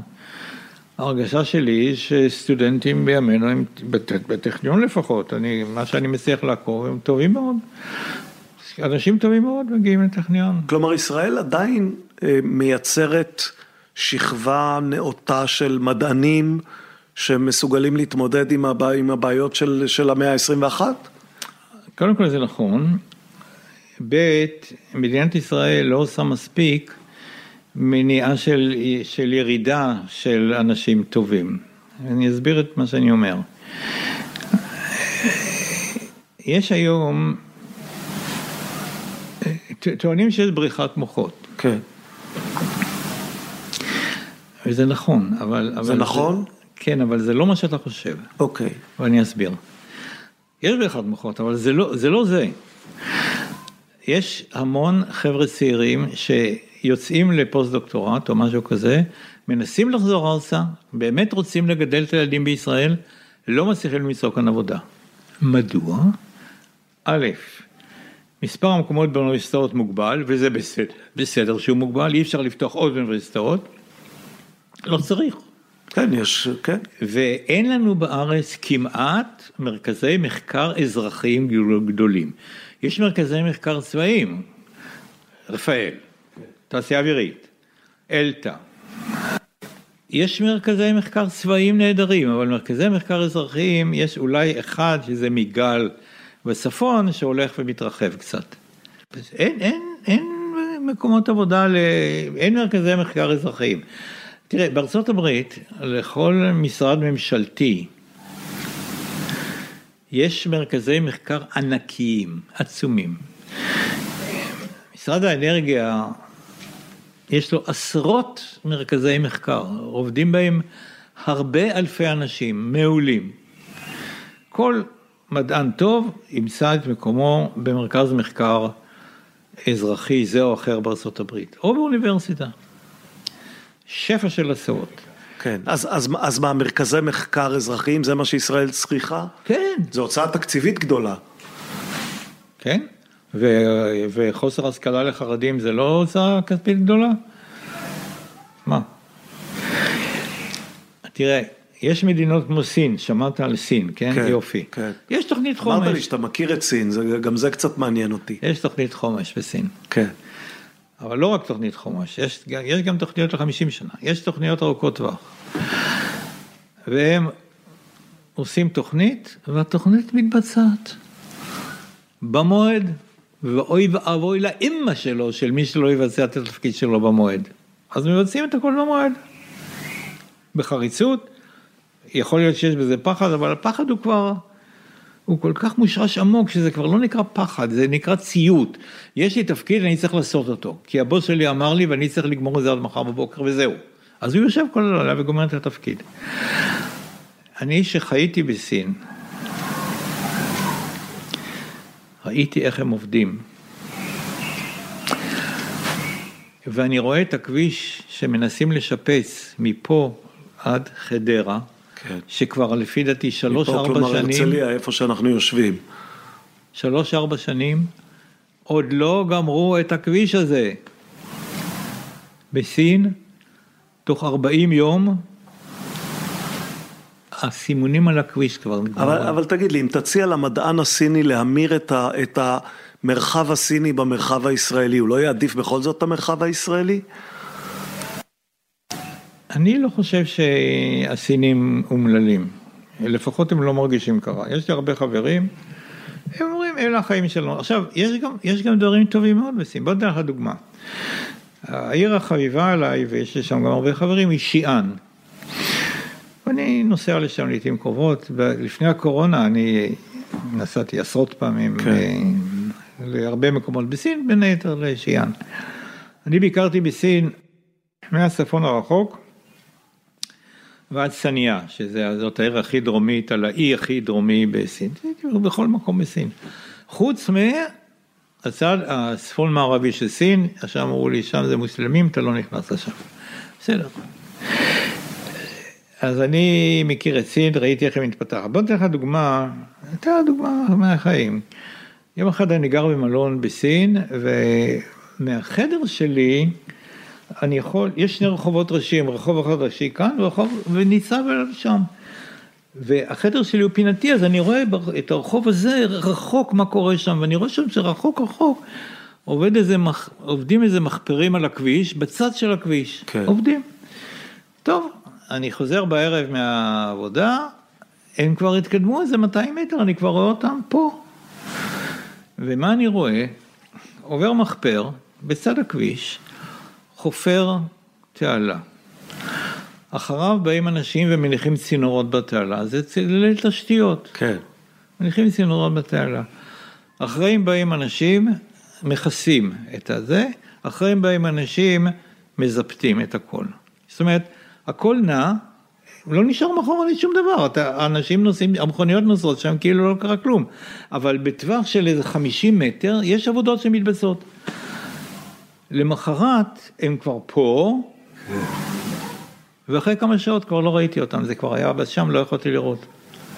תוך יום הגיעו מקצה האופק, והכל גמור, סלול, אתה לא יודע שמישהו היה שם בכלל. פה זה היה לוקח שנה. עם שחיתות, עם גנבות, עם זה. אז, אוקיי. אז, אז מה זה, זה, זה, זה, זה תרבות עבודה אחרת? זה, זה... כן, תרבות עבודה אחרת לגמרי. תראה, את מנהרות הכרמל חפרו, חפרה החברה הסינית. כן. הם אה, עבדו בשיטה של אם הם גומרים מאוחר מדי הם משלמים קנס ואם גומרים מוקדם הם מקבלים בונוס. קיבלו בונוס עצום, גמרו הרבה לפני המועד, כן. הלכו הביתה.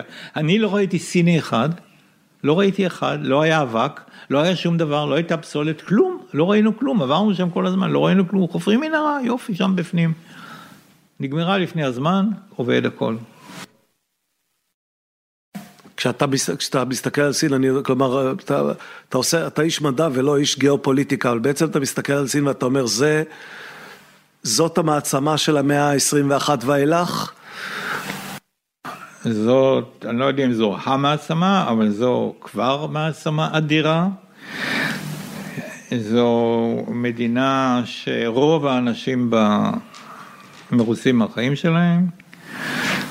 יש, זו מדינה קפיטליסטית לעילא ולעילא. היא קוראת לעצמה קומוניסטית, אבל מדינה קפיטליסטית. חברים שלי קנו דירה שנייה שהם משכירים אותה ומרוויחים. קפיטליזם במיטבו.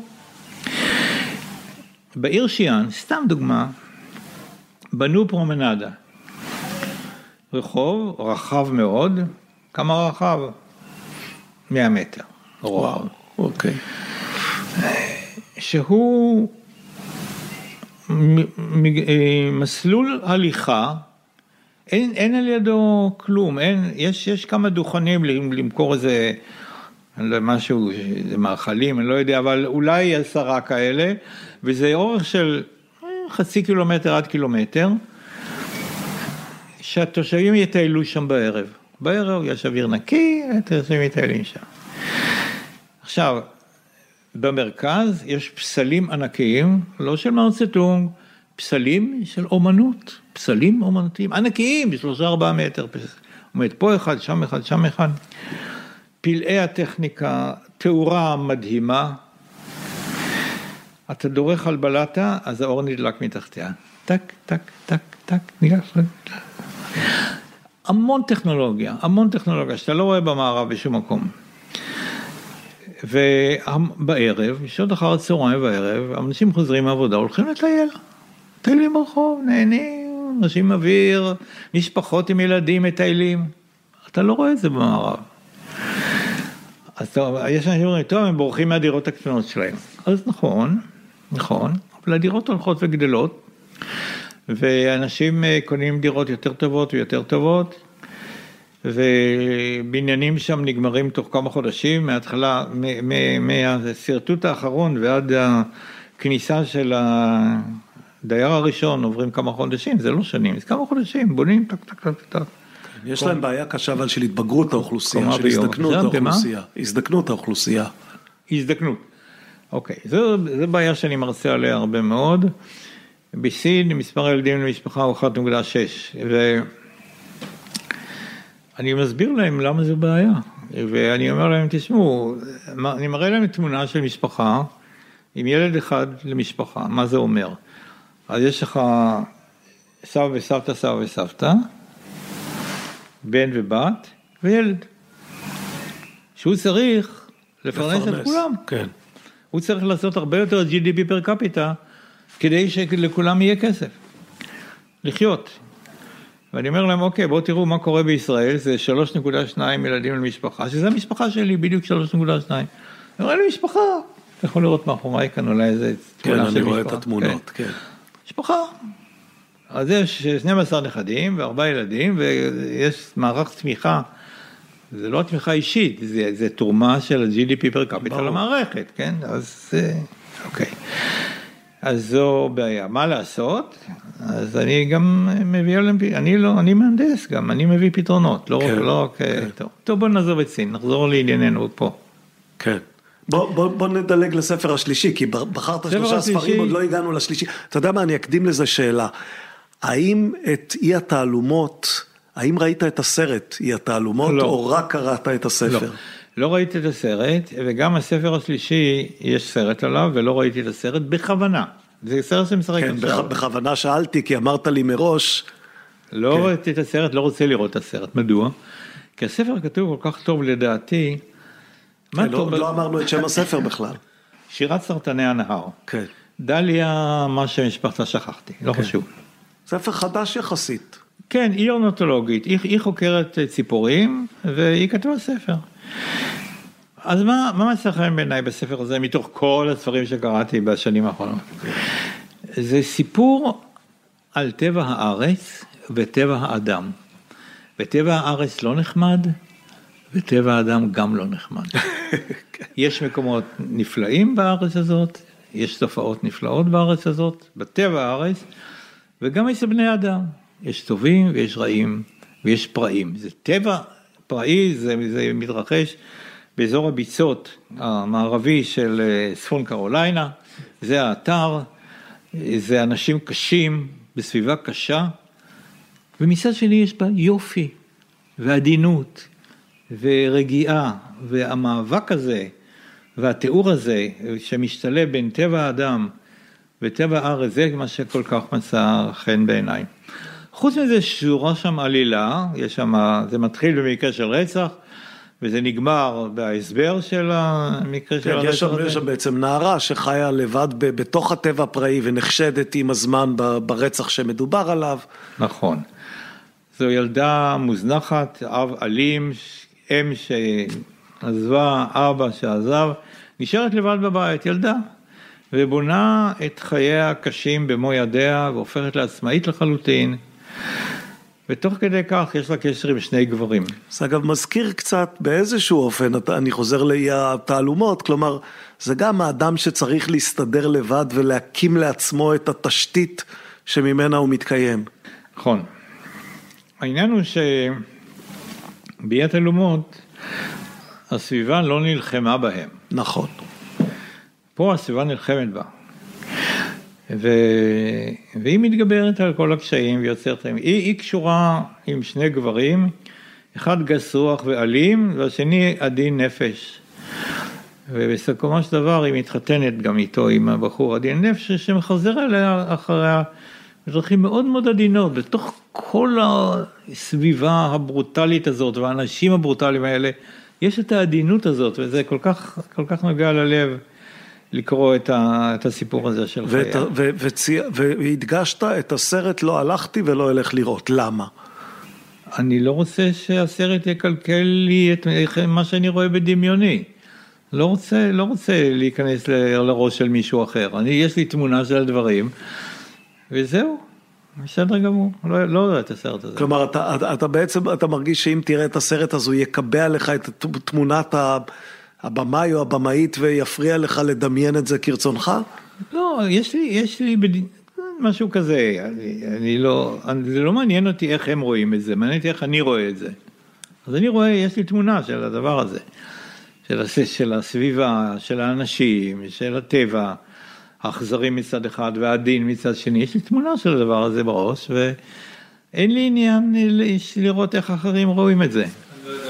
הופ- הופתעתי קצת שביקשתי ממך לבחור שלושה ספרים, בחרת שלושה ספרים מובהקים של סיפורת ואף ספר של מדע, כלומר אני הנחתי שתציע משהו מהתחומים שאתה עוסק בהם. אני בכוונה, אני מבין שצריך להגיע לציבור רחב, אני אתחיל אה, לספר לך על אה, עקרונות אה, פיזיק, פיזי, פיזיקליים, או עקרונות כימיים, או עקרונות של הנדסת חומרים, אני אתחיל לספר לך על קורוזיה בחומרים, אני אתחיל לספר לך על מדוע הסכין שלך במטבח לא מחליד. והסכין היפני שרוצים למכור לך עכשיו בכל הרשתות כן מחליט להסביר לך למה זה קורה? כן, לקראת שיחתנו קראתי, קראתי ראיונות קודמים איתך וקצת הקשבתי לראיונות קודמים איתך ועל ה... על הקריירה שלך כמדען, השאלה שעלתה לי היא השאלה הבאה, מה היית יותר, יצירתי או עקשן? מה אני יותר? לא, זה שני דברים מנוגדים? לא, לא אפשר- מנוגד... אפשר להיות יצירתי ועקשן, אבל אני לא מתעקש על, על שטויות, אני מתעקש על דברים שברור לי שבהם אני צודק. ואני יצירתי. כן, אבל ההתעקשות על זה שאתה צודק גם כאשר הרבה מאוד אנשים עומדים מולך ואומרים לך שאתה טועה, היא לא דבר שכל אחד היה מתמודד איתו באותו אופן. לא, לא, אני לא יודע. תשמע, אה, שואלים אותי צעירים, במה לבחור כמקצוע עתידי. צעירים בתיכון וחבר'ה כאלה כן. שעוד צריכים להחליט מה, מה לעשות עם החיים שלהם. ואני אומר להם את הדבר הבא, תשמע, אני מדבר לבחורים ולבחורות באותה מידה. כן. אה, בוא נדבר לבחורה לשם דוגמה. תבחרי לך, אה, מקצוע. תבחרי מה שאת אוהבת, כן. ותשתדלי להיות מספר אחת בשטח הזה. מספר אחת בכיתה שלך. תבחרי מה שאת אוהבת. את אוהבת אה, כימיה? תבחרי לך שטח בכימיה, מה שאת רוצה. אבל תשתדלי להיות מספר אחת בכיתה, ובבית הספר, ובעיר שלך, מספר אחת. והיום את יכולה לעשות את זה, כי המידע זמין לכולם, כל הזמן. באינטרנט, הכל כתוב שם. וגם פרופסורים יענו לבקשתך לשוחח איתנו. תפני לפרופסור, תגיד, אני רוצה לברר משהו שלא ברור לי מהספרים, אתה מוכן לדבר איתי? הוא יגיד לו, בשמחה רבה, בואי נדבר.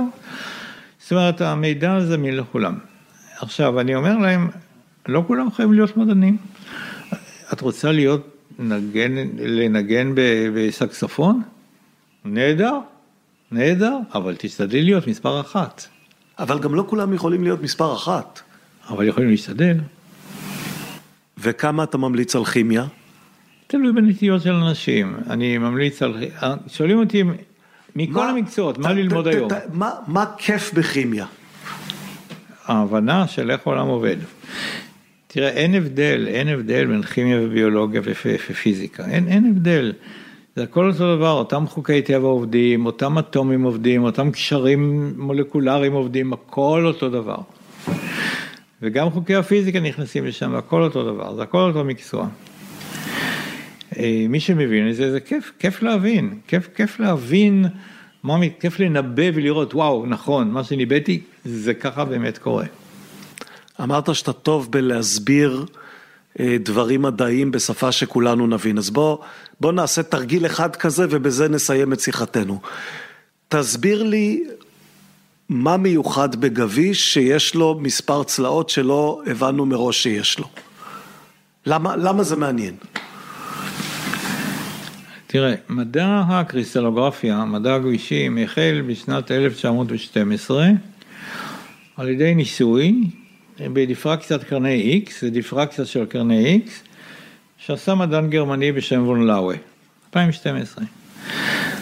הכבישים שוון לאווי חקר ובני דורו חקרו, היה להם דבר אחד משותף, הם היו, האטומים בהם היו מסודרים, ולכן הם כבישים, כן.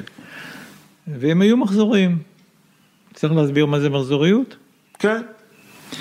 אוקיי, תסתכל על הרצפה כאן, אתה רואה את ה... עריכים. כן, יש. עריכים שמסודרים באיזה צורה. אז קודם כל מסתדרים, אבל יש מחזוריות. אם תסתכל בכיוון הזה, תראה שיש מרחק שווה בין הריח להריח. נכון, זו מחזוריות. יפה. וזה נכון לכל כיוון. כשיש בלטות, כמו בלטות, הריחים בחוץ, במרפסת, אתה יכול להסתכל. הרבועים האלה, כן. אז אתה יכול לראות שבכל כיוון יש מחזוריות, באלכסון יש מחזוריות, בכל כיוון. עכשיו, כל הכבישים שוונלאו ובני דורו חקרו, היו כבישים מחזוריים. עכשיו, במשך השנים, עד 1982, שזה 70, בערך 70 שנה, מדע הקריסטלוגרפיה הפך למדע מאוד פופולרי ועבדו בו אלפי אנשים, אלפי חוקרים. חקרו מאות אלפי כבישים שונים, שמתחלקים לקבוצות שונות, יש משפחות של כבישים, ומה שמשותף לכולם היה שהם היו כולם מסודרים ומחזוריים. מסודרים ולכן הם כבישים, והם גם היו מחזורים. ולכן אה, ההגדרה של גביש אמרה, גביש הוא חומר שבו אטומים הם מסודרים ומחזוריים, זה גביש.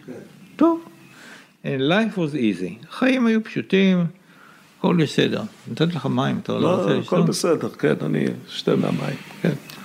החיים היו פשוטים, ומדע הקריסטלוגרפיה נחשב למדע בשל. זאת אומרת, מדע בשל זה מדע שאנחנו יודעים הכל, אתה לא יכול לחדש לנו שום דבר. מה כן, אתה יכול למצוא גביש חדש, ולפענח את המבנה ואיך שלו. תדע שזה גביש? כי הוא יהיה מסודר ומחזורי. כן, אתה עושה דיפרקציה, כן. אתה רואה שהדיפרקציה מראה לך שהוא מסודר ומחזורי, אתה אומר, אוקיי, אני רואה שהוא שייך למשפחת, למשפחה מסוימת הזאת, פותח את המגירה, יש שם 1471 כבישים באותה משפחה, והנה עוד אחד, ברוך הבא. כן. ואז אני מגלה, 70 שנה אחרי זה, שיש כבישים שהם מסודרים ולא מחזורים. אהה. עכשיו, בספרות, דנו בזה בספרות. האם יכול להיות שיהיה כבישים? והוא כתוב, לא, לא ייתכן דבר כזה. כתוב בספרות, לא ייתכן דבר כזה. ואני מוצא כאלה. אז אה, זה עשה פרדיים שיפט, מעבר כן. פרדיגמה, איך אומרים? אה, כן, שינוי פרדיגמה נקרא. לזה, כן. ואמרו, וברגע שזה הוכר, שזה נכון ובסדר, ואני לא, לא הייתי לבד, מיד אחרי התגלית שלי הצטרפו המונים, וזה לא, רוב האנשים לא היו שוללים, רוב האנשים עבדו, והם לקחו את התגלית שלי והפכו את זה למדע משגשג. אבל היו כמה שהיה להם מאוד קשה לקבל היו את כמה זה. שאמרו שלא יכול להיות דבר כזה, מי שהוביל אותם היה פרופסור ליינוס פולינג, מדען צמרת אמריקאי, קריסטלוגרף, אבל הוא היה קריסטלוגרף של קרני איקס, ואני התעסקתי במיקרוסקופיית אלקטרונים. זו אותה קריסטלוגרפיה, אבל האמצעים שונים. והוא אה, הוא באמת היה מדען מאוד מוערך בארצות הברית, ובצדק, קיבל פרס נובל פעמיים, פעם בכימיה, פעם לשלום. מדוע הוא קיבל לשלום? כי הוא נלחם נגד אה, ההפצה של נשק גרעיני. בפועל נלחם נגד זה. אז הוא באמת ראוי, אבל אה, הוא היה, בואו נגדיר אותו ככה, ההבדל בין אלוהים ובין ליינוס פולינג הוא שאלוהים לא חושב שהוא ליינוס פולינג. והוא חשב שהוא יודע הכל, ו- ולא, אף אחד לא יודע הכל, והוא לא הכיר בעניין הזה. עכשיו, הוא נלחם בהתחלה נגדי, ואחר כך נגד כולם. כל הקבוצה, נגד כל כן. שב... כן. כשהוא התחיל את המלחמה, אז הוא היה שמש בשמיים, ואני הייתי what's his name שכטמן. ולאט לאט זה השתנה, השתנה, השתנה, השתנה, השתנה. בסוף הדרך אני הייתי שם, והוא לא יכול, הוא שלח מאמרים וזרקו אותם, אמרו לו, אתה מדבר שטויות, אתה, אל, אל תשלח יותר מאמרים, זה לא נכון מה שאתה כותב. היו לי שתי פגישות איתו, אישית. אה, פעם אחת אה, אכלנו ארוחת ערב בכנס, היה איזה כנס שבו חילקו לי פרס אה, על חומרים חדשים, ואכלנו ארוחת ערב, אחד על אחד, אבל זה היה באולם שכולם, כל כולם הכנס. כאלה, וכולם הסתכלו לראות את האגרופים, שום אגרופים, שום דבר. כן, זאת הייתה, כלומר השיחה הייתה שיחה... לא, נעימה מאוד. נעימה? נעימה מאוד. תראה, הוא יליד ניו יורק אמנם היה, אבל היו לו, היו לו נימוסים דרומיים כאלו, היה, היה מנומס. בוודאי אחד על אחד איתי, והסכמנו על הכל, חוץ מאשר על כבישים קווזי מחזוריים, הסכמנו כן. על כל דבר. זה פעם ראשונה. פעם שנייה פגשתי אותו, זו הייתה הפעם האחרונה, השנייה והאחרונה שפגשתי אותו, אני נסעתי אליו, לביתו בפאלו אלטו, קליפורניה, ונתתי לו הרצאה של שעה לקהל של איש אחד. ביוזמתך או ביוזמתו? אני לא זוכר. אתה לא זוכר? אבל זה היה הדדי. הוא מאוד רצה לפגוש אותי, אני רציתי לפגוש אותו. אנחנו התכתבנו הרבה, התכתבנו כל שבוע, אבל לא, לא נפגשנו. זה מערכת יחסים מאוד משונה, כלומר בין, בין אדם שגילה תגלית חשובה לאדם שלא מוכן להכיר בתגלית הזאת. בסדר, אז ניסיתי לשכנע אותו, ובסופו של דבר באתי, נתתי לו הרצאה. שעה שלמה, אז היו שיקופיות כאלה, אתה יודע, הקטנות האלה, כן, מרובות. כן. אמ, נתתי לו הרצאה של שעה, ובסוף הוא ישב בשקט, הקשיב. אומר, דוקטור שכטמן, I don't know how you do it, אני לא, אני לא מבין איך אתה עושה את זה. אמר- אמרתי לו, נכון, כי אני עושה מיקרוסקופית אלקטרונים ואתה בקרני איקס. הוא לא הבין מיקרוסקופית אלקטרונים והוא לא העריך מיקרוסקופית אלקטרונים. אה, שזה כלי רב עוצמה הרבה יותר. אז, אז מה בלם אותו בסוף? זה, זה כשל טכני של לא להבין, או שזה כשל מנטלי של לא להיות מסוגל להגיד, טעיתי 70 שנה? הוא לא, הוא לא היה, אני אסביר לך זה מונחים יותר מדעיים, הוא לא היה מסוגל להכניס מספרים אי רציונליים למדע הקריסטלוגרפיה. עכשיו בוא נתן לך דוגמה. כן. בוא נניח שבא סטודנט לפרופסור, תשמע, אני אוכיח לך שהמספר פאי, שהוא ש- היחס כן. של ההיקף של המעגל בקוטר שלו, הוא מספר רציונלי. פאי רציונלי, אומר הפרופסור, מעניין מאוד, איך תוכיח לי? הוא אומר, תראה, אני מצייר מעגל, מצייר את הדיאמטר, ואיך אומרים, איך קוראים, אה, קוטר, קוטר, כן. מודד, מחלק אחד בשני, יצא מספר רציונלי, כי אתה מחלק שני מספרים, יצא מספר רציונלי.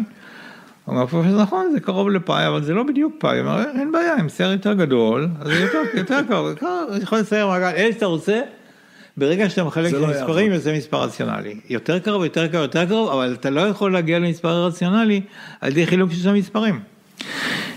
וזו הייתה טעות שלו. אז, אז במה זה התבטא? הוא אמר, הנה המודל שמסביר את הדיפרקציה הזאת. אז מיד מישהו כתב לו מהעולם, לא, זה לא נכון, זה לא עובד, בוא תראה, זה לא עובד. אוקיי, no, no problem. נגדיל את זה יותר קצת. גדול, יותר גדול, יותר גדול, יותר גדול.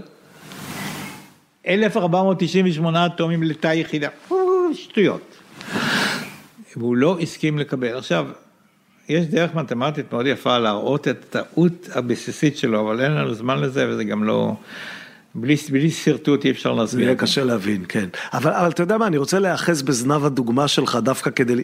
נניח שמחר יבוא אה, אה, פרופסור צעיר למתמטיקה ויגיד, הצלחתי להוכיח שהספרות שאחרי הפאי הן נעצרות במיליון ושלוש מאות אלף חמש מאות תשעים ושתיים.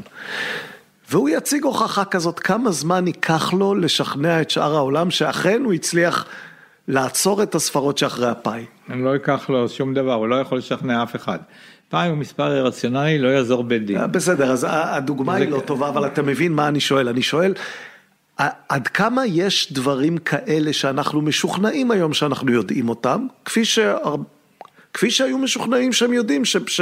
שהכבישים מוכרחים להיות מסודרים ומחזוריים, כמה דברים כאלה יש היום שאנחנו משוכנעים שאנחנו יודעים, ויבוא מישהו וינפץ אותם ויצטרך להיאבק את אותו מאבק שאתה נאלצת להיאבק. מאה אחוז, אין לי ספק שיש דברים כאלה, אין לי ספק. אני לא, אני יכול לחשוב היום, אתה נותן לך דוגמה, הרבה אנשים מדברים על חייזרים, כן. והאם יש חיים מחוץ לכדור הארץ? אז אני משוכנע שיש, חיים אינטליגנטיים. גם אני משוכנע.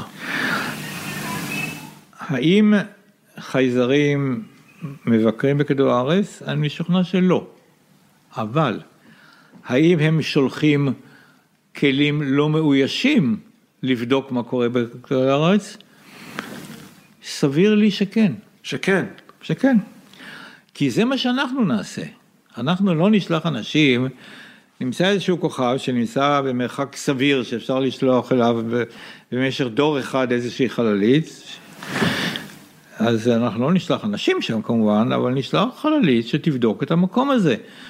עכשיו, יכול מאוד להיות שיצורים שעושים את זה הם הרבה יותר אינטליגנטים מאיתנו, והטכנולוגיות שלהם הרבה יותר משוכללות מאיתנו, ויש חוקי פיזיקה שהם יתגברו עליהם.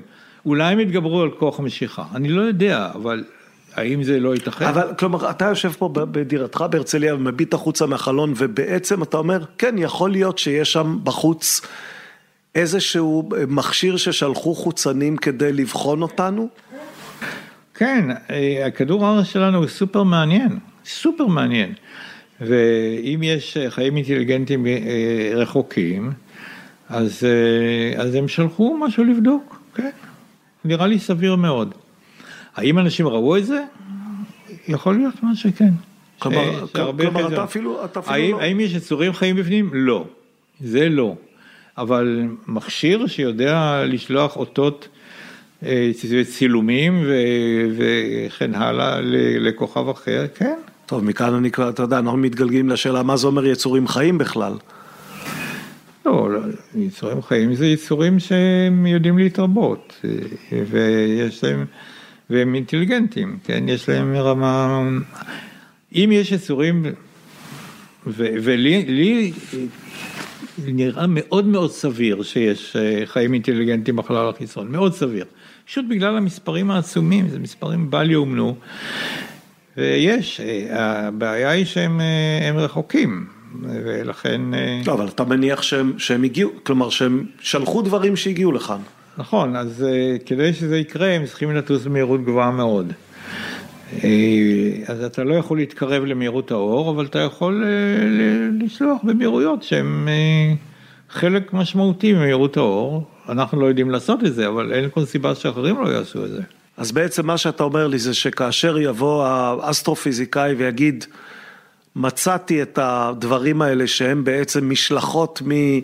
אה, אה, יקום, מפלנטות עם יצורים אינטליגנטיים אחרים, אתה תהיה אחד הראשונים לקבל את מסקנותיו. שיראה הוכחות.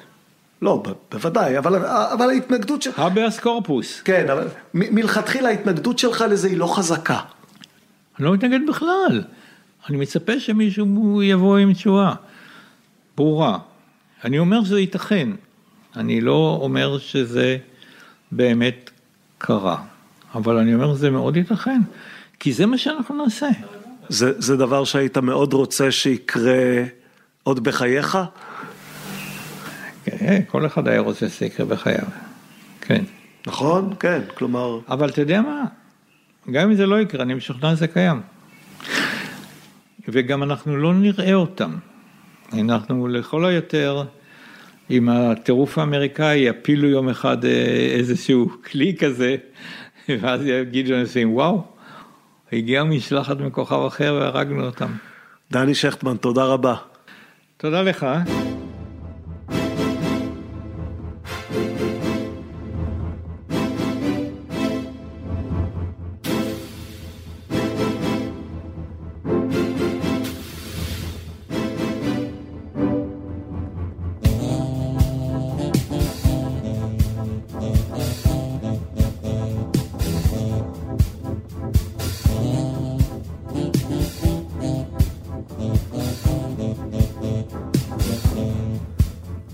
הכיפות והשועל. מקווים שאתם עדיין איתנו, מקווים שנהניתם מהשיחה המעניינת עם דן שכטמן. אנחנו מודים לשכטמן על כך שבחר ספרים, אנחנו מודים לו על הזמן שהקדיש לנו.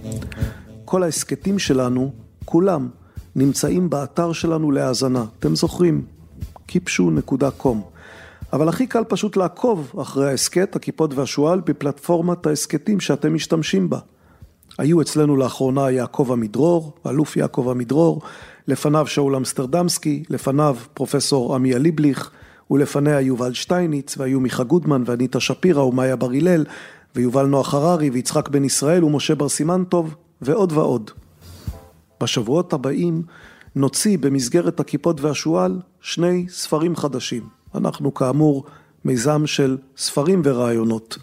ספר אחד שנוציא הוא חי, סימן קריאה, מסע לפיצוח החידה הגדולה מהם החיים.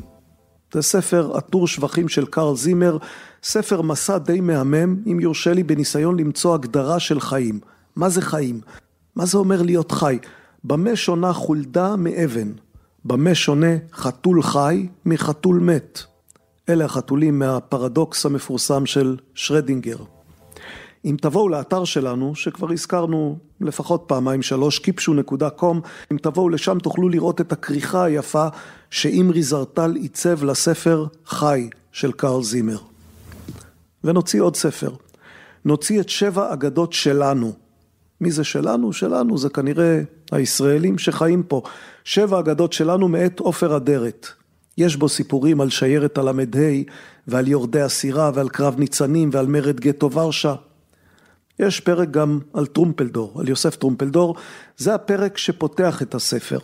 הספר אמנם עוד לא זמין, זה עניין של כמה שבועות, אבל אני רוצה לקרוא ממנו שתי פסקאות. אמנם לא תוכלו לרוץ ולרכוש אותו, אבל אולי כבר תשתכנעו שאתם רוצים לרכוש אותו ולקרוא בו, ואז תזדרזו לקרוא את הספרים האחרים בסדרה, אלה שכבר זמינים, לפני שיצא הספר של עופר אדרת, כדי שתהיו פנויים לקרוא אותו כאשר הוא יצא. אז הנה פסקה מתוך הספר, שתיים שלוש פסקאות, פסקה שמתייחסת למה שכתב זאב ז'בוטינסקי אחרי מותו של טרומפלדור. בעצם זו פסקה שעוסקת בשאלה איך פירש ז'בוטינסקי את המשפט המוכר שטרומפלדור אמר לפני מותו. הנה, מתוך הספר של עופר אדרת, שבע אגדות שלנו, בקרוב מאוד בכל חנויות הספרים. אלה היו דבריו האחרונים של יוסף טרומפלדור בראותו את צער חבריו בפני הקורבן הגדול הזה. אין דבר, טוב למות בעד ארצנו. כך פתח ז'בוטינסקי את מאמרו. ז'בוטינסקי ייחס חשיבות דווקא למחצית הראשונה של המשפט. צמד המילים אין דבר. תרגום שאול מהביטוי הרוסי ניצ'בו, שפירושו לא כלום ומובנו לא משנה. הוא לא ייחס במאמר חשיבות מיוחדת לאמירה ההירואית, זו שיש לה פוטנציאל מגייס ותעמולתי, טוב למות בעד ארצנו. ציטוט, זה כאמור עופר אדרת, מצטט מז'בוטינסקי, ציטוט: כל מי שהכיר אותו יוכל לשער את בת הצחוק השקטה שרפרפה על שפתיו באומרו את הדברים האלה. הוא לא היה נתון למילים גבוהות. הרצינות העיקרית העמוקה שהייתה בנפשו הורגלה להתבטא במעשים, לא בנוסחאות, וכשהיה מוכרח לפעמים לגלותה באמרי פיו, היה כמתבייש, וכיסה על דבריו בצעיף של בת צחוק, ובמילת הקדמה של צנועים. אין דבר, כתב ז'בוטינסקי. מי שהכיר בת צחוק זו ואת אין דבר זה, ידע את טרומפלדור, הוסיף. בהמשך תיאר כמה אירועים מחייו הסוערים של טרומפלדור, הראשון אירע לאחר שפגז ריסק את ידו כשלחם במלחמת רוסיה-יפן בקיץ 1904.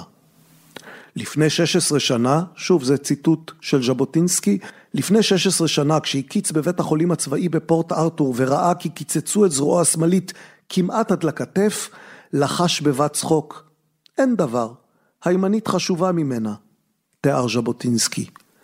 בהמשך, כשהקים את הגדודים העבריים, אך התאכזב לגלות כי חבריו לא נשלחו לכבוש את ארץ ישראל, אלא הפכו לנהגי פרדות באזור גליפולי, הגיב באופן דומה.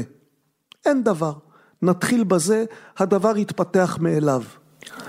גם ברגעים הקשים של הגדוד, בימי השפלות מבחוץ ומבפנים, כשהיו באים אליו בלילה בלילה טובי חבריו בתלונות ייאוש, היה עונה, אין דבר, זה יעבור, העיד ז'בוטינסקי. לשם הקולות הנפץ הנוראים על סף המחנה היה מרגיע את לוחמיו. אין דבר, זה רחוק. בצמד המילים הזה, בצמד המילים אין דבר, מצא ז'בוטינסקי פילוסופיה מקיפה, רעיון עמוק, היגיון נשגב כדבריו. הרצון מכריע. המקרים אינם אלא הבל. מכל מר יצא מתוק אם רק הרצון חי.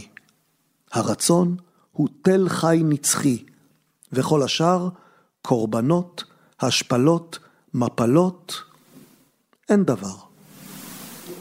זהו, זה עופר אדרת, מצטט גם מז'בוטינסקי על יוסף טרומפלדור מתוך שבע אגדות שלנו, ספר שיצא ממש בקרוב. וכבר אמרנו, במקביל אליו יצא גם חי של קרל זימר, ויש גם את כל הספרים הקודמים של הכיפות והשועל שאולי לא קראתם.